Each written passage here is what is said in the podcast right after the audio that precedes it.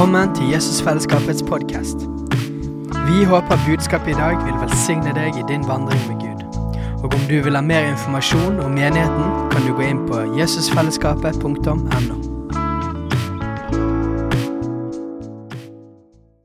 Halleluja. Vet du hva jeg gjorde i dag? Det er noen som vet det. Jeg glemte morsdagen.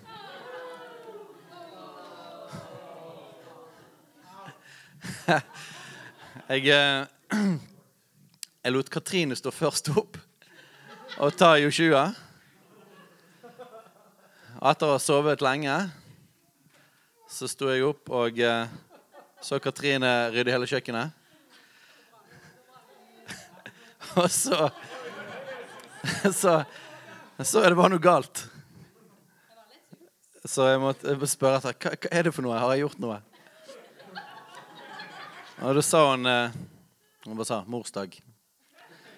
Og så satt hun på telefonen og så så hun bilder av eh, andre mødre eh, som hadde lagt, bilder av morsdagsgavene sine på, på Snapchat. Som satt og så på de da. Halleluja. Så jeg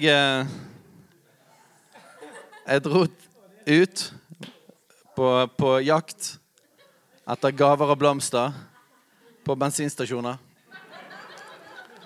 Og Den tredje bensinstasjonen hadde blomster. Og eh, jeg pleier å kjøpe ganske mange blomster, men de er ganske billige når du kjøper de på Coop. Koster de 69,90. Da pleier jeg å kjøpe sånn fire buketter. Er- Så jeg kunne ikke ha mindre nå når jeg hadde glemt det. Så jeg er liksom eh, takknemlig for at jeg langt på dag har liksom funnet en bensinstasjon med blomster. Så kjøper jeg masse forskjellige ting der, og, og fire buketter blomster. Og så skal jeg betale blomstene, da. Jeg hadde kjøpt de andre tingene på en annen bensinstasjon. skulle bare betale blomstene. Og så, og alle som var i bensinstasjonen, de skjønte jo at jeg hadde glemt morsdagen. Og klokken var liksom Hva var klokken? 11? Så det var jo ikke kjempetidlig. sant? Så når jeg skal da betale blomstene, så kommer prisen opp. Jeg var, ok, 800 kroner. Huh. Det var dyre blomster.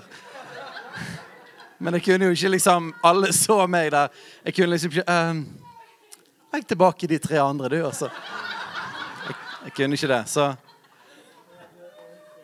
med kort og litt forskjellige ting man får på bensinstasjon, så ble det godt over 1000 kroner i dag på Halleluja. Eh.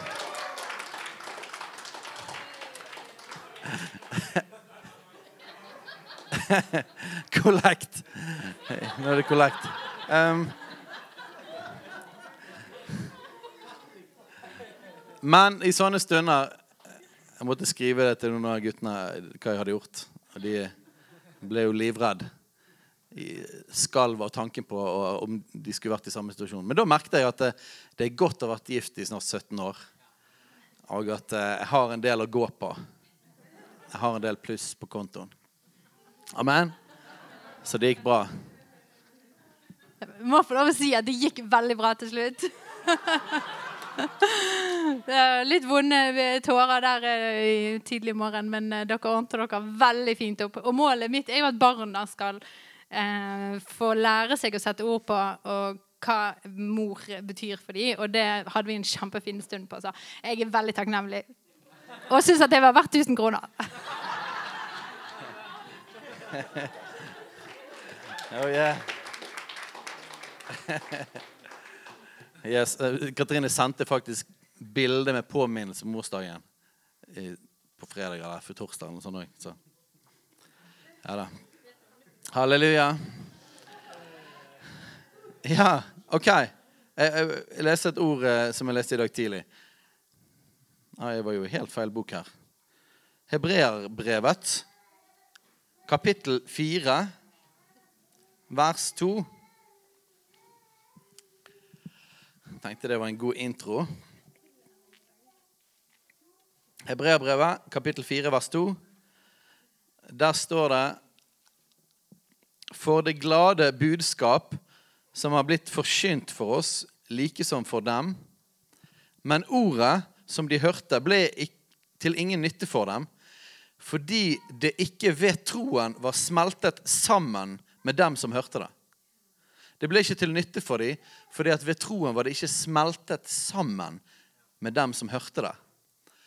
Og eh, da kjente jeg i min ånd Gud, la ditt ord smelte sammen med meg, sånn at det blir til nytte. Så det vil jeg be for oss nå. Gud, la ditt ord smelte sammen med oss. Smelte sammen med våre hjerter, Herre, med vår ånd. Og la det bli til frukt, Herre. La det bli til nytte for oss. I Jesu navn. Yes, så, så jeg har begynt på en serie om Fader vår. Og eh, jeg har tro på dette med å gjenta ting mange ganger. For det første ikke de samme som er her hver søndag. Eh, så det kan være nyttig å, å, si ting mange ganger av den grunn, sånn at folk får, får, noe med seg. For det andre så er det sånn at vi trenger å høre ting mange ganger da, for at skal gå inn. For målet er jo ikke bare mer informasjon, eller en tale, men det er jo nettopp dette at Guds ord skal smelte sammen med våre hjerter. At det skal bære frukt i oss. Og Da er det en del ting vi trenger å høre flere ganger. Så jeg tenker liksom å gi et resymé på en måte, eller måte, hovedtanken rundt hvorfor gå inn i Fader vår hver eneste gang jeg skal forkynne dette. Og det blir mange ganger gjennom, eh, gjennom dette halvåret. For det Fader vår er langt. vet du. Lenger enn vi tror. Um, så konteksten er rett og slett det at i hele fjor så fokuserte vi i menigheten og jeg personlig på bønn. Og, eh, og jeg var veldig mye i Lukas 11, vers 1. Det var noe jeg ba veldig mye for mitt eget liv og for, for oss. Og der, der, står det at en gang var han, altså Jesus, et sted og ba. Da han var ferdig, sa en av disiplene til han, 'Herre, lær oss å be', slik Johannes lærte sine disipler. Så dette ba jeg masse. Gud, lær meg å be. Lær meg å be. Og jeg har likt bønn i mange år. Eh, men jeg vet at det fins større dybder i bønn. For at Guds ord sier at et rettferdig menneskes bønn har stor kraft og virkning. Og etter det så står det om Elias, som var under samme kår som vi. Og når han ba, så sluttet det å regne. Og når han ba igjen, så begynte det å regne. Eh, ergo det er mer kraft i bønnen enn det du og jeg har erfart til nå. Ikke det? Så derfor ba jeg Gud, la meg å be, la meg å be, sånn at, sånn at ting blir rystet, sånn at ting skjer enda mer enn det jeg har erfart i dag. Så hele året så ba jeg det. Lær oss å be. Gi oss nådens og bønnen sånn. Og det som står rett etter det, lær oss å be, så sier jeg at han svarte, når dere ber, skal dere si Og så far, og så kommer det vi kjenner som Fader vår. Men jeg pleide å hoppe over det, da. Og så litt videre. Og så kommer det en lignelse der om, om en, en, mann som får besøk, og så går han og maser på naboen og banker på døren. Og, og, og Jesus snakker om dette med utholdende bønn eller pågående bønn. Det har jeg praktisert og undervist i årevis. Jeg er blitt så gammel nå at jeg kan si at jeg har undervist det i over 20 år. faktisk. Det er faktisk riktig. Over 20 år har jeg undervist om pågående bønn. Og, så det har jeg på en måte i meg. Og etter det så kommer dette med Eh, be, så skal dere få. Les, så skal dere finne. Bank på, så skal det bli lukket opp for dere. Og de som har gått på Veien bibelskole, har hørt meg undervise mens jeg gjør sånn som dette her. Bank på. Hvor lenge skal du banke på? Til det lukker opp. Så hvor lenge skal du be? Til du får. Jeg skal ikke gå inn i den undervisningen nå, for det har jeg undervist mange ganger. Så jeg har liksom likt veldig godt starten og slutten på det kapitlet. Men Fader vår er sånn yeah. Fordi at jeg vet ikke. Jeg, liksom, vi, vi, ba det om kvelden da jeg var liten. Og eh, jeg pleide å gjespe midt i Fader vår. Det var litt kjedelig, rett og slett. Så jeg, det var, Ofte er det sånn. Jeg, jeg, er så takknemlig for alt jeg har fått inn gjennom barndommen. Jeg har vokst opp i en kristen familie. Eh, og det er aldri forgjeves at du får Guds ord på innsiden. Aldri forgjeves. Men det er òg en utfordring når du vokser opp med noe eller du blir vant med noe. De har et fint ord på engelsk for dette. Be familiar. Altså, det er mer enn at du på en måte vet om det, men det er at du blir litt sånn her, eh, du, du tar det for gitt. Du tar noe for gitt, og du, du, får, du får, ikke helt kontakt med kraften i noe. Fordi at du er så vant med det. Du er vant med å høre om det. Og Sånn ble Fader vår for meg. Og jeg tror det at med den gjengen som er her, og de fleste unge kristne så, og de fleste tror jeg i, i, frimenigheter i Norge, så tror jeg det at vi har det samme forholdet til Fader vår. For at jeg har ikke møtt mange folk som driver og ber akkurat det veldig mye. Så vi har liksom bare sånn nei, Ja, ja, Fader vår. Det er noe liksom de litt mer tradisjonelle gjør. Og så vi, vi ber i tunger. Og så ber vi på en måte akkurat som vi kjenner for. Og det har jeg gjort i årevis, og det er veldig bra. Men nå når eh, Nå når vi gikk over det neste året, altså i 2020 og jeg forst, når jeg leste det der eh, kapittelet igjen, så ble det sånn plaget til meg at jeg på en måte hoppet over Fader vår. Skummet gjennom det. Eh, for jeg var sånn her Det må jo være noe mer her. Det må jo være noe mer. Og her er et godt argument for å be Fader vår, folkens. Jesus sa vi skulle gjøre det.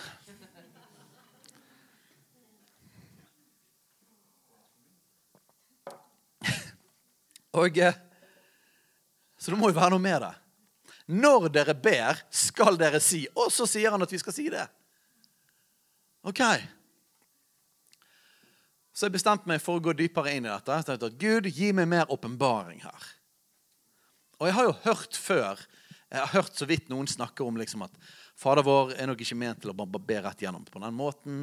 Det er nok ment mer som en slags overskrift. eller på en måte så Jeg har hørt det før. Det er ikke nytt for meg, men det har, det har ikke vært nok for meg til at det liksom har kicket inn egentlig likevel. Jeg har hoppet over det likevel.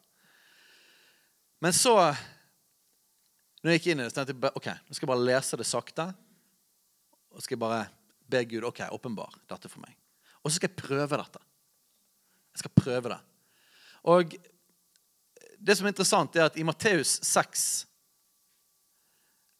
Der er det andre stedet. Det står i Lukas 11, og så står det om Fader vår står i Matteus 6 òg.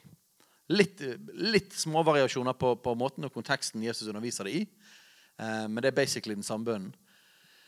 Så sier jo Jesus at eh, Dette er Matteus 6, 6-8. Jeg kan lese det. Men når du ber, skal du gå inn i rommet ditt og lukke døren. Og be til din far som er i det skjulte. Og din far som ser i det skjulte, skal lønne deg. Når dere ber, skal dere ikke ramse opp ord, slik hedningene gjør. De tror de blir bønnhørt ved å bruke mange ord. Vær ikke lik dem. For dere har en far som vet hva dere trenger, før dere ber han om det. Akkurat denne greien her syns jeg er interessant. Dere skal ikke ramse opp ord. Og så ender dette her i at han sier sånn skal dere be, da. Fader vår, bla, bla. Og så er det jo akkurat det vi har gjort med Fader vår. ikke det? Vi har brukt det til en oppramsing. Og jeg vet jo det at det er tradisjon. Jeg har iallfall sett det på TV. Jeg har ikke veldig mye erfaring med en katolsk kirke, men jeg har sett på TV at når de skrifter, så er det bare ta fem Fader vår og noen Ave Maria. Så da er det jo tydeligvis bare å lese gjennom det, eller si det mange ganger. Og Sånn har vi brukt det her i Norge òg. Men jeg tror ikke det var det med Jesus mente. Og, og, når du leser gjennom måten Jesus ba på, og man leser gjennom eh, både Apostels gjerninger og brevene og ser hvordan folk ba, så, så, finner man ikke dette at det var en vane å på en måte bare be igjennom som en oppransing, Fader vår. Så mest sannsynlig så er ikke det det Jesus mener. Og, og Jesus var jo stadig sånn her oppe hele natten og ba og sånne ting. Og jeg tviler på det at han holdt på å be gjennom Fader vår sånn her 490 ganger på den måten. Så om igjen, om igjen, om igjen, om igjen. om igjen. Så hvorfor sa han at vi skulle be dette, da? Jeg tror personlig at Fader vår er en guide til et personlig bønneliv. Jeg tror det viser en rekkefølge, en prioriteringsliste, nesten en, en vei, en flow, så du kan komme inn i. Jeg tror Fader vår er en hjelp til at du posisjonerer deg rett i din identitet når du ber. For det at veldig ofte, og spesielt oss i 2020 i Vesten, vi, vi er veldig følelsesstyrt. Så vi er ikke, vi er ikke, vi er ikke veldig sånn rutinefolk når det gjelder det åndelige livet. Uh, og, og, hvis vi er karismatikere i tillegg, så på en måte liker ikke vi den der å ha veldig sånn strenge rammer på ting. Um, og det gjør veldig ofte det at bønnen vår blir styrt mye ut fra hva vi føler der og da. Eh, og da blir det ofte mye sånn her 'Hjelp Gud'-bønn. Iallfall hvis du har sovet for lite, og du står opp og du bare kjenner deg litt sånn Du er ikke helt på plass. Da blir det mye sånn 'Hjelp, Jesus! Please, hjelp meg gjennom denne dagen'. Så er det noen av oss har lært å be i tunger og gjerne løfte blikket på Gud og tilbe. og sånn. Alle de tingene er veldig bra. Men, men min erfaring er at bønnen vår blir mye tilfeldig. Jeg oppdaget det på, I mitt liv så oppdaget jeg at fordi at jeg ikke har hatt rutine, og fordi jeg ikke er en sånn bønnelisteperson, jeg er en spontan person, så har jeg endt opp med å be veldig lite for barna våre. Jeg tenker Det kan jo ikke være bra. Fordi at eh, jeg vet ikke, De bare har ikke kommet opp på samme måten. Hvis det har skjedd et eller annet, så er, det, liksom, da er du der. liksom. Men bare sånn i i daglige så har jeg ikke vært vant med å på en måte dekke ting i bønn. Eller ha en, en, en vane eller en rytme av, av, hva jeg ber for. Så jeg har skjønt rett og slett det at vi trenger noe rytme. Hvis du er litt sånn her eh, systemfrik, så kan det godt være det at du trenger litt sånn her slapp av, liksom. Eh, jeg er i helt andre enden. Så alt som ligner på at det er system og struktur for meg, det er en hjelp for meg. For jeg har aldri noe problem med å bryte ut av den strukturen. Og gjøre det jeg kjenner for. sant? Men det handler om å, om å gå på en eller annen fin vei. Det er et eller annet med å la ordet, Guds ord, Bibelen, være løypen vår når vi søker Han. Og Fader vår er en sånn løype. Det er en sånn guide. Så jeg tror det handler om posisjonering, og jeg tror det handler om hvor vi skal begynne når vi ber. Jeg tror Jesus tenkte gjennom det. Han underviste det to ganger i to forskjellige settinger. Den ene settingen sannsynligvis i Lukas 11 var den første gangen han gjorde det. fordi at der var det sånn her Lær oss å be. Eh, og så Den andre gangen var i kontekst av bergpreken, så det var mange folk som han underviste det. Og så fokuserer han på litt andre ting både før og etter. Ok. Og jeg vet dere kan denne bønnen. Eh, jeg gikk på Danielsen videregående. Noen som har gjort det? Min erfaring med Fader vår, en av mine, liksom, en av mine minner med Fader vår, er det at, er det at jeg, jeg, jeg, når jeg var 16-17 eh, år gammel, så hadde jeg fått et møte med Gud og hadde en veldig lengsel etter å bli døpt i Den hellige ånd. Og veldig lengsel etter å få tungetale. Og eh, så jeg, jeg, søkte Gud mye, og jeg, jeg, var med på alt mulig slags bønnemøter. Eh, en av de, det var, eh, det var eh, bønnemøte klokken åtte om morgenen sammen med Finn, på vaktmesteren på Danielsen videregående. For De som har gått der, de vet hvem Finn er. de andre. De. Han er en god, gammel mann. Og eh, Bønnemøtene med han, det var stort sett meg og han, de endte alltid med at han ba Fader vår. Og da ba han på 1930-oversettelsesmåten med eder og hele den greien.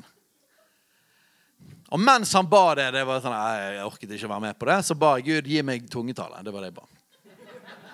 Så det er, en av, det er liksom en av minnene mine fra Fader vår. Og eh, vi lærte det på en litt nyere oversettelse. Men likevel så var det jo det Nå sier jeg Fader vår mange ganger. Det er jo fordi det er det vi kjenner denne bønnen som. Det er liksom blitt overskriften for det. Men det er jo egentlig en tullete overskrift. Fader vår.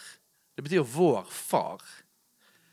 Og jeg vet ikke med deg, men jeg har aldri sagt 'Fader min' til min far. Eller 'Faderen min'. Jeg har aldri bedt pappa om noe sånt på den måten noen gang. Faderen min. Kan jeg få lov til å få mer tyttebær? Sant? Jeg har aldri gjort det. Så allerede der så er vi litt skeivt ute. Fordi at, fordi at, gamle begrep og uttrykk det skaper distanse. Og så kjenner vi til dette her liksom, som, en, som en bønn eller et konsept. Og vi kjenner konseptet godt, men så får vi avstand til det pga. formen på det. Og da misser vi poenget. sant? Mens det Jesus sa, var 'Vår far'. Sånn skal dere be. Vår far. Eller hvis du ikke ber sammen med noen andre, så blir det jo bare du, da. Da blir det far. Min far. Og eh, jeg har begynt eh, etter nyttår etter begynt med dette, så jeg begynt å be mer til far. Jeg har gjort det før òg, men jeg har bedt mest til Jesus. Det er lov. Jeg vet ikke hva du gjør. Ber du mest til Jesus? Det er lov til å be til Den hellige ånd òg. De er alle Gud, alle sammen. Alle tre. Men klart, i Det nye testamentet så blir bønn av det jeg kan huske, så er alle bønner som er skrevet ned i Nytestamentet, er til far. Og Ofte så blir så er dette begrepet at vi kommer til far i Jesu navn. At det er pga. Jesus vi kan komme foran far og be til han. Men jeg har, liksom, jeg har prøvd det noen ganger, men det, det, lett, det har vært lettest med Jesus. Og, og, Det er en lang greie vi kan gå inn i der, som er koblet til dette, som handler om vårt forhold til Gud som far. Fordi at det er enklest for de fleste kristne å forholde seg først til Jesus. Det er naturlig, for det var han som døde for våre synder på korset. Eh, og vi, vi, kan be til Jesus, skal be til Jesus. Jeg fortsetter å gjøre det. Men jeg har vent meg til nå å begynne min dag med å rette blikket på far. Så fins det noen andre vers. og jeg vet dere kjenner til disse her. Det står masse om barnekåret. Så la meg lese et par av de versene. Dere fikk jo ikke trelldommens ånd, så dere igjen skulle frykte. Men dere fikk barnekårets ånd, som gjør at vi roper 'Abba, far'. Abba er arameisk, det språket som de snakket. Det språket som Jesus snakket. Og det er Interessant at det står på arameisk her, så det ordet er ikke oversatt. Det er rett og slett for å understreke at han sa det personlige farsordet. Det personlige farsordet. farsordet. Og det er ikke engang far. Noen her kanskje sier far til sin pappa. Men de fleste sier pappa. Opp med en hånd, alle sier pappa. Ja, ingen sier faderen, i alle fall. Kanskje noen sier far. Men pappa er det vanlige begrepet. Så det står at vi har fått barnekåret sånn som gjør at vi roper 'Abba, far'. Altså pappa. Og så står det et annet, annet vers òg. Dette var i Romerne 8, 15. Og så står det òg Og fordi dere er sønner, har Gud sendt sin sønns ånd inn i våre hjerter, som gjør Nei, som roper 'Abba, far', altså pappa. Så er du da ikke lenger trell, men sønn. Så jeg tror at helt fra starten her så handler ikke dette bare om hvordan du skal begynne, hva setning du skal begynne å be med. Jeg tror dette er en instruksjon fra Jesus om at når vi skal be, så begynn med å si far eller pappa. Begynn med barnekåret. Og Jeg har en mistanke om at Jesus, dette var det første Jesus sa. Hvordan skal vi be Jesus? Lær oss å be. Sånn skal dere be. Si far. Så kan det være greit å høre på. Og jeg har prøvd det. Nå begynner jeg hver dag med far. Pappa. Takk at jeg får kalle deg pappa. Takk at jeg får være ditt barn. Og jeg vet at vi alle sammen kan jevnlig kjempe med å bli i erfaringen av det vi vet er sant, nemlig at vi er ustraffelige, vi er rettferdige. Vi er hellige. Vi er elsket. Vi er likt. Vi vet disse tingene, ikke vi det? Men alle sammen så jevnlig kjemper vi med å erfare det. Og faktisk tro på det og ha tillit til det. Jeg tror at Jesus sier 'si først far', fordi han vil at ikke gå inn i bønn før du hviler i din identitet som barn. Det er lov til å be andre ting. Det betyr ikke at ikke Gud hører annen bønn. Men det betyr at uh, du plasserer deg på rett sted i forhold til Han. Det, vil forme resten av det du sier til Han. Og Hvis du gjør det om morgenen, jeg anbefaler å søke Gud som det første du gjør om morgenen. Hvis du gjør det om morgenen, så vil det prege hele dagen din. I så fall vil det faktisk hjelpe deg å vandre i et liv som en sønn og datter. Det er jo en god idé, ikke det? Og jeg regner med dere vet det, at det at Jesus titulerte Gud som far, som pappa, var veldig radikalt. Det var ikke sånn jødene pleide å be. Han introduserte en helt ny virkelighet i, for, i forhold til hvordan vi kommer fram for Gud. I forhold til hvordan vi holder, forholder oss til han. Så jeg begynner hver morgen med 'Takk at jeg får være ditt barn'. Og så blir jeg i det jeg blir i far. Helt til jeg merker at jeg lander der. Jeg anbefaler deg å prøve det. Bli i pappa. Helt til du merker at du blir der. At du hviler der. Det er en historie som jeg hørte for mange år siden. fra John F. Kennedy. Dere skjønner han? Populær president i USA. Og eh, han hadde visst en sønn som jeg har forstått het eh, De kalte han J. John. Og ettersom jeg har fått fortalt, så var det en, en direktesending eller noe sånt fra det ovale kontor. Og eh, under direktesending eller under denne her seansen på en eller annen måte Jeg vet ikke detaljene, jeg må sjekke opp i det. Ja. Så kommer altså sønnen J. John inn. Han er en liten gutt. Og Så kommer han inn, og så setter han seg rett på fanget til sin far. Og dere skjønner at rundt her så er det jo bare masse formelle greier. sant? Og stemningen i det ovale kontoret er jo i høy respekt for presidenten. ikke det? Så når han kommer inn, så bryter han jo hele stemningen. Fordi at han forholder seg ikke til president John F. Kennedy som president, men som pappa. Så hva er det for noe? Det er en demonstrasjon av barnekåret.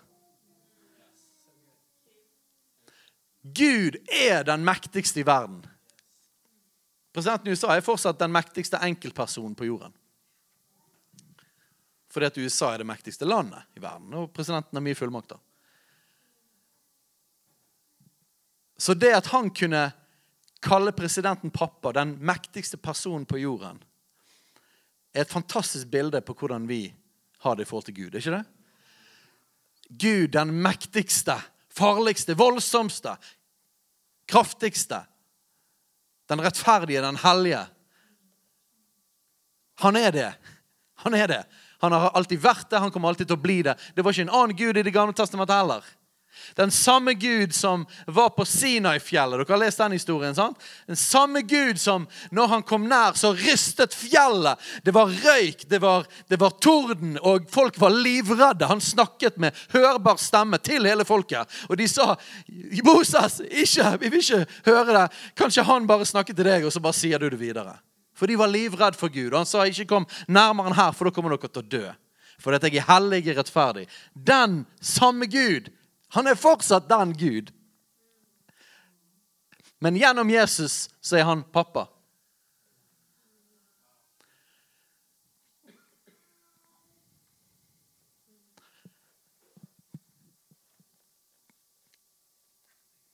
Hvordan er dette med barnekåret? Hvem har det? Da kan dere slå opp i sted. Først Johannes brev.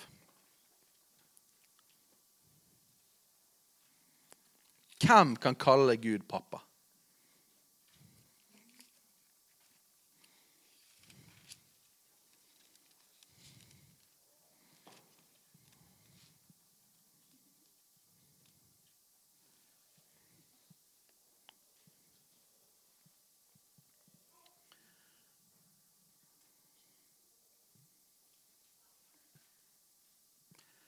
Først Johannes 3,1.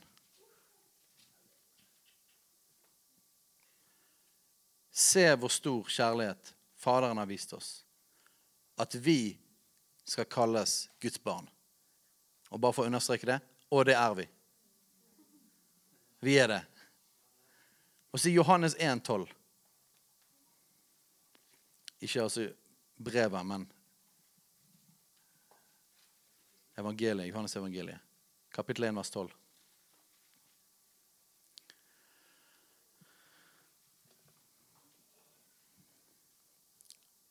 Men alle dem som tok imot ham, den, dem gav han rett til å bli Guds barn.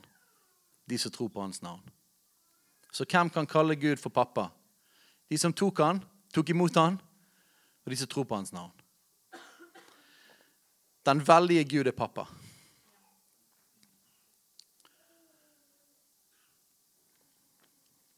Jeg har lyst til at vi skal prøve akkurat nå å ta et par minutter. Så jeg har lyst til at du skal sitte sammen med en, eller, en er sikkert det beste, enkleste. En eller to. Så bare snu dere mot hverandre. Og det vi skal gjøre nå, er be. Vi skal be pappa. Hvis du syns det er veldig uvanlig eller eh, ubehagelig å be sammen med noen på den måten, så skal jeg ikke tvinge deg. Men jeg oppfordrer dere til å be høyt. Og jeg vet de fleste er vant med det. Det jeg har lyst til du skal gjøre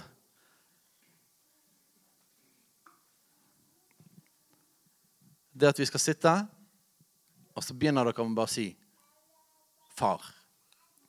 Pappa. Og så sier dere det noen ganger. Når det gjelder bønn En ting som jeg har lagt merke til med er folk, det er at noen er redd for å be det samme om igjen og om igjen. på en måte. Men jeg tror det at det er viktig å bli i ting. Det handler på en måte ikke om liksom at du skal bare informativt ha sagt det til Gud. Det, det handler om at du, det er en kobling mellom deg og Gud. Og Det betyr at du kan si 'pappa' mange ganger. Jeg har tre barn. De sier det mange ganger. Pappa, pappa, pappa, pappa. Selvfølgelig når de maser, som òg er veldig bibelsk. Det er pågående bønn, som står om seinere der. Det er helt sant, det er, det er pågående bønn. Men òg når det ikke liksom, det er noe veldig de maser om eller vil ha, men de bare, de bare vil ha oppmerksomheten. Så sier de 'pappa, pappa, pappa, pappa, pappa'. pappa, pappa. Så jeg har lyst til at dere skal ta litt lengre tid enn du er vant med, og bare si 'pappa'. Og prøv å koble. Og når dere har gjort det en liten stund, så skal jeg gi dere noen eksempler på noen ting du kan be. ok? Kan vi gjøre det?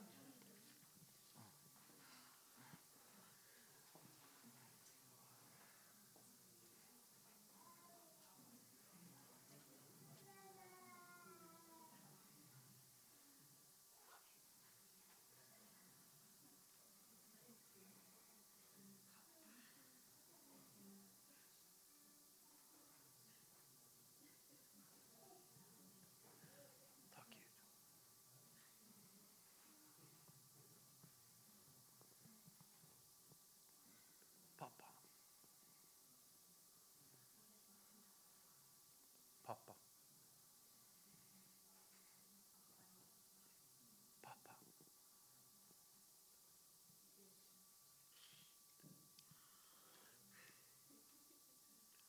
Takk at du er min pappa.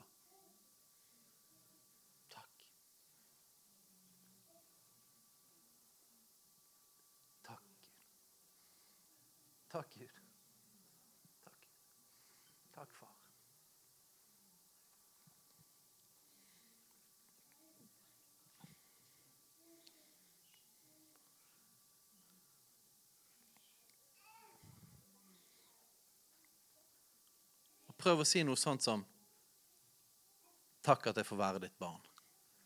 Bruk dine ord. Du må ikke si akkurat den setningen, men takk ham for at du kan være hans barn. Takk.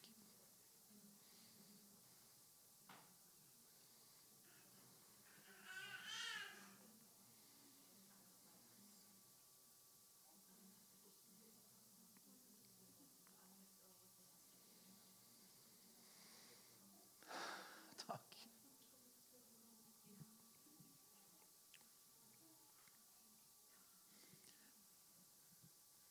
Takk at du elsker meg. Og takk at du liker meg. Vil dere si noe sånt til det?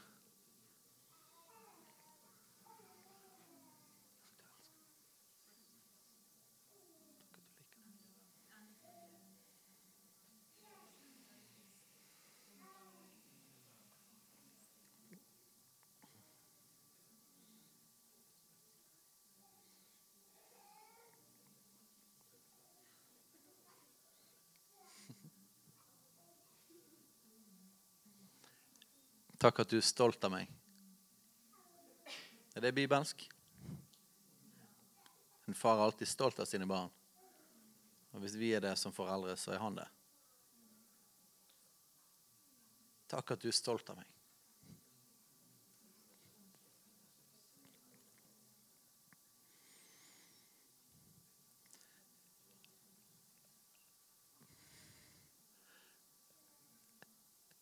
Takk at jeg ikke trenger å streve for din aksept.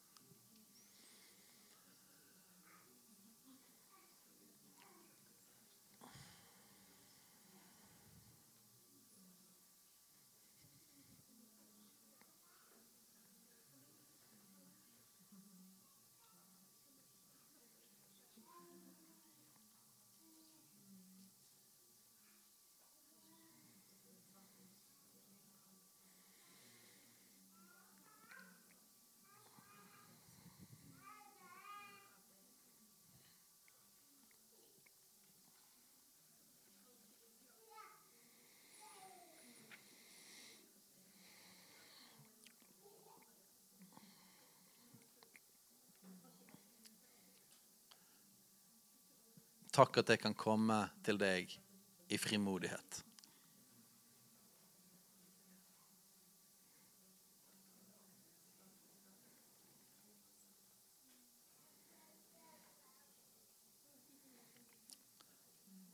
Takk for det, pappa.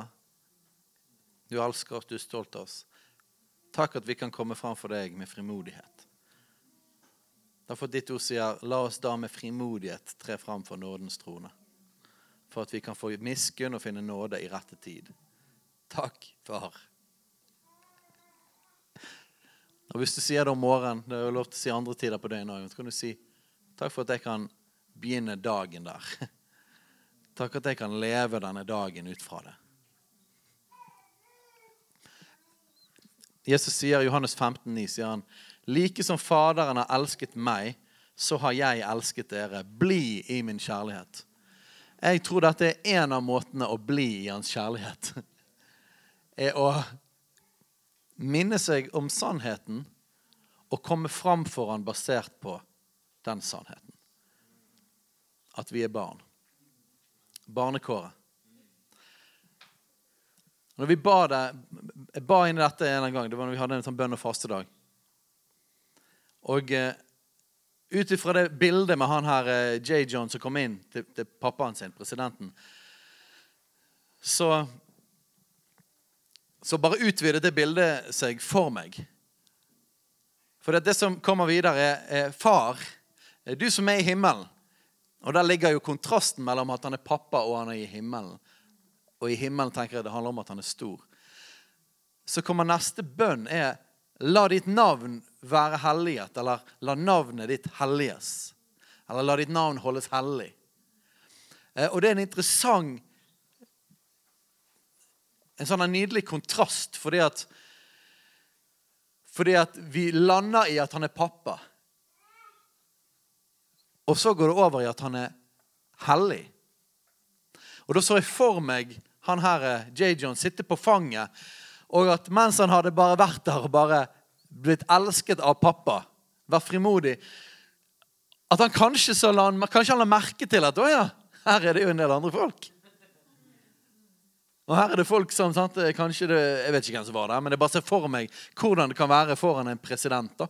Kanskje det var noen generaler der som var liksom i respekt. Kanskje det var, det var definitivt andre folk der som forholdte seg på en annen måte da, til faren.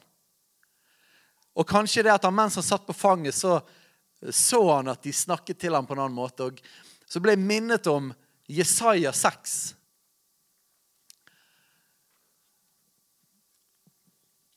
Og Vi skal se mer på det etterpå. Men Jesaja han, han ble tatt inn foran tronen til Gud. Og Han hørte det som også Johannes hørte. Vi leser om Johannes' og bebaring, at eh, rundt tronen så, så, ble det sagt 'hellig, hellig, hellig' hele tiden. Tilbedelse. Det sto om Jesaja fikk se hvordan eh, dørstolpene bevet, og hvordan herligheten var der som en sky. Og eh, han fikk en smak av Guds herlighet. du skjønner? Av Guds hellighet. Guds makt og velde. Og jeg så for meg at akkurat som vi sitter på fanget til pappa, oppå tronen For vi kan med frimodighet gå inn der. Vi er, vi er sønner og døtre. Så kanskje vi legger merke til når vi sitter der i himmelen med han, at oi, her var det jo noen livsvesener. Med masse øyne på. Og de roper 'Hellig, hellig, hellig'. Og det er 24 eldste som kaster ned sine kroner. Det er tilbedelse dag og natt, og det er alltid 'hellig, hellig, hellig'. Du er mektig. Du er veldig. Jeg har lest alle disse tilbedelsene i Johannes' bebaring. ikke det? Samme står i Jesaja 6. Så dette, dette foregikk jo da tydeligvis når Jesaja levde, og når eh, Johannes levde.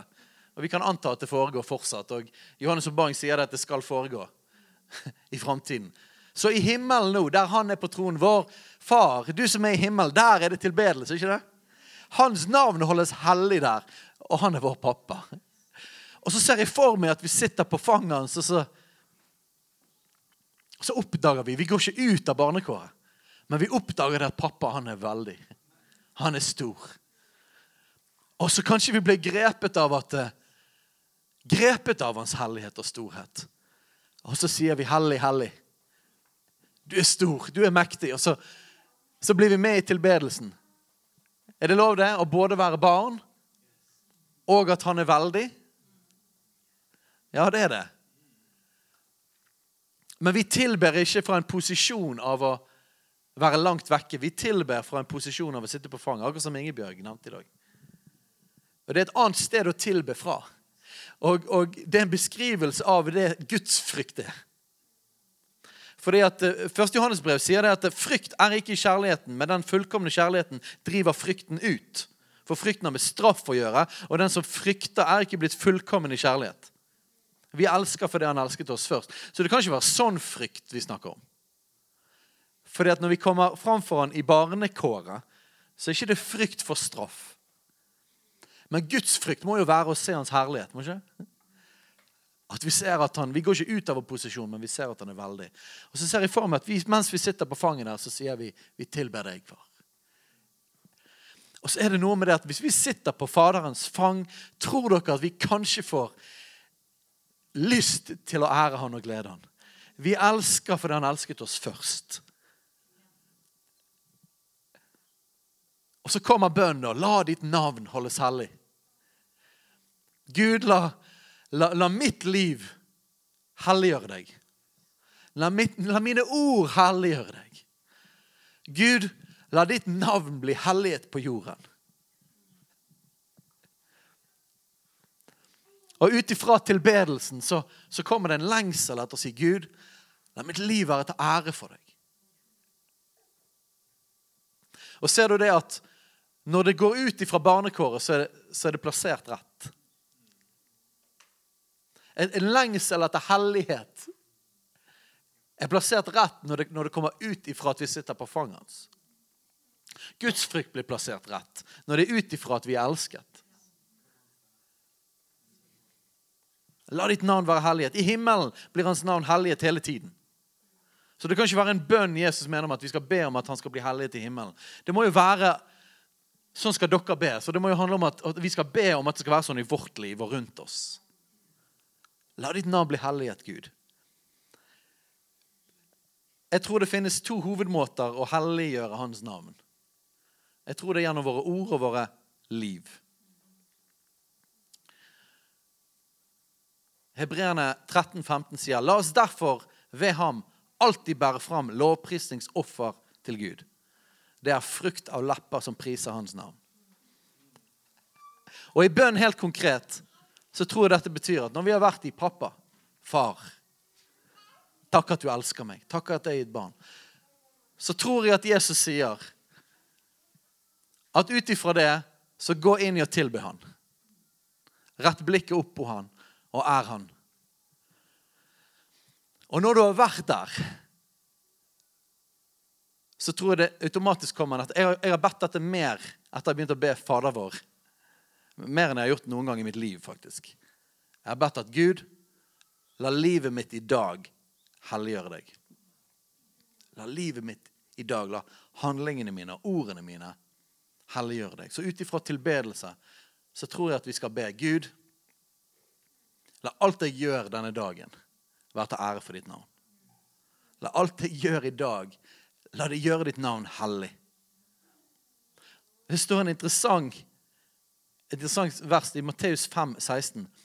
Her står det at snakker Jesus om å gjøre gode gjerninger. Så, snakker, så sier han at slik skal dere la lyset deres skinne for menneskene, så de kan se de gode gjerningene dere gjør, og prise deres far i himmelen. Jesus snakker altså om å leve på en måte som gjør at andre begynner å tilbe Jesus. Leve på en måte som gjør at folk begynner å ære far. Skape tilbedelse rundt oss gjennom våre liv.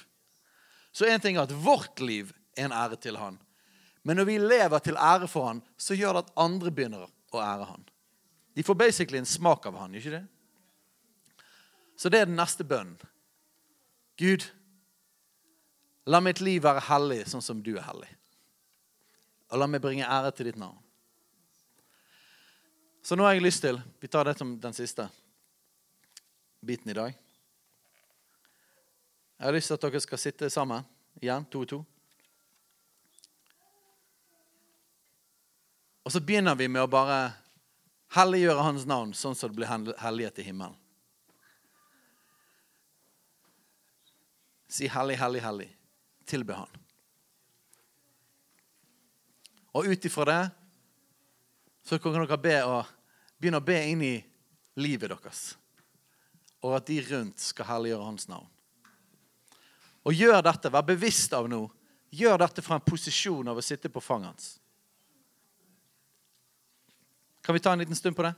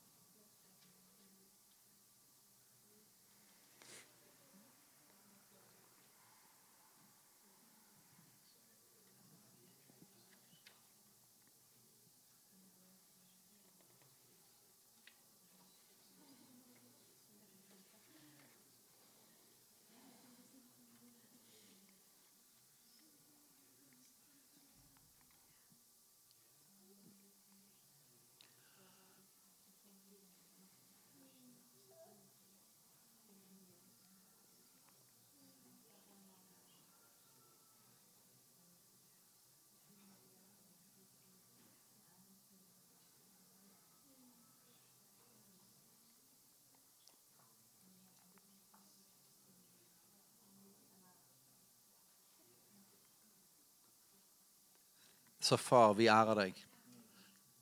Vi ærer ditt navn. Og vi vil be sånn som Jesus ba oss om å be. La ditt navn holdes hellig. Jeg ber at ditt navn skal bli æret.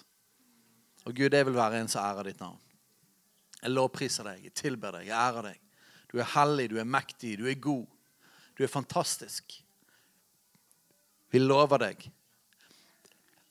Så Gud, så ber vi om at det skal være mer enn lovsang for oss. Det skal være mer enn en takkebønn. Vi ber at det skal være livet vårt.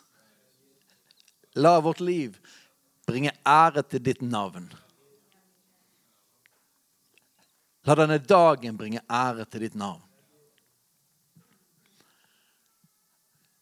Her vi ber om at alle våre ord og alle våre handlinger skal bringe ære til deg.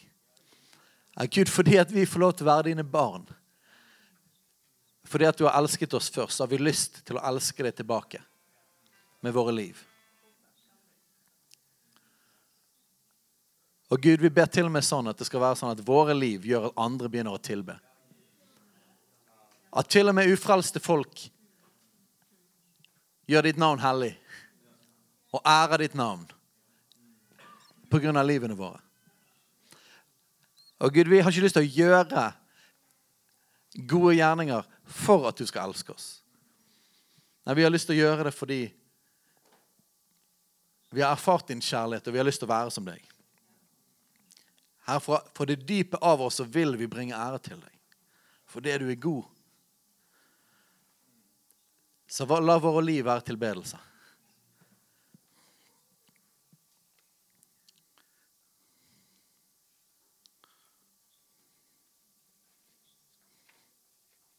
Skal bare lese ett vers til på det. Så avrunder vi snart. Å, Hvor var det, da? Ja, det er Romane 12 igjen. Jeg formaner dere altså, brødre, ved Guds miskunn, at dere fremstiller deres legemer som et levende og hellig offer til Guds behag. Dette er deres åndelige gudstjeneste. Jeg tror det han snakker om her, er la ditt navn holdes hellig.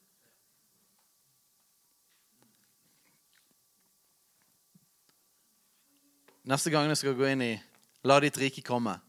La din vilje skje på jorden som i himmelen. Kanskje vi kommer over gi, gi oss i dag vårt daglige brød. Men jeg har lyst til, jeg vet at det er vanskelig å, å bringe inn nye vaner, men vi kommer til å bruke masse tid på dette. Men jeg har lyst til at dere skal prøve det. Eh, Jeg har lyst at du skal prøve når du søker Han. Prøv å bruke Fader vår som en guide. Det betyr ikke at du ikke kan be andre ting. Det er fullt lov, og vi har en lang dag. Men prøv det som i sånn posisjonering. Prøv å la det være en guide. Og la Den hellige ånd lede deg ut ifra at du allerede går på den veien av, av det ordet som Jesus har sagt. Den guiden som han har gitt oss for bønn. Og så kan du heller be inn i det. Jeg, jeg, jeg eksperimenterer med Det går an å be dette her i Jeg har holdt på liksom i to timer og bare kom til liksom bønn nummer tre. Men jeg øver meg opp på å be kortere gjennom det. Og, og, at jeg har lyst til å få med meg de der seneste tingene òg. Ikke bare alltid slutte liksom, etter tredje. Så noen ganger prøver jeg bare okay, litt sånn kjapt på de første, og så, og så prøver jeg å, å, være litt i de, de, tingene videre. Jeg prøver å la de tingene prege meg gjennom dagen. Um, jeg tror personlig at vi har uh, Den karismatiske delen av kristenheten Jeg tror vi har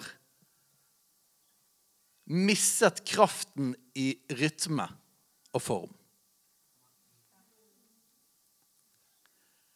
Jeg tror noen ganger vi, mister, vi, vi, vi har mistet Vi har manglet åpenbaring i kraften i å gjøre noe hver dag og jevnt.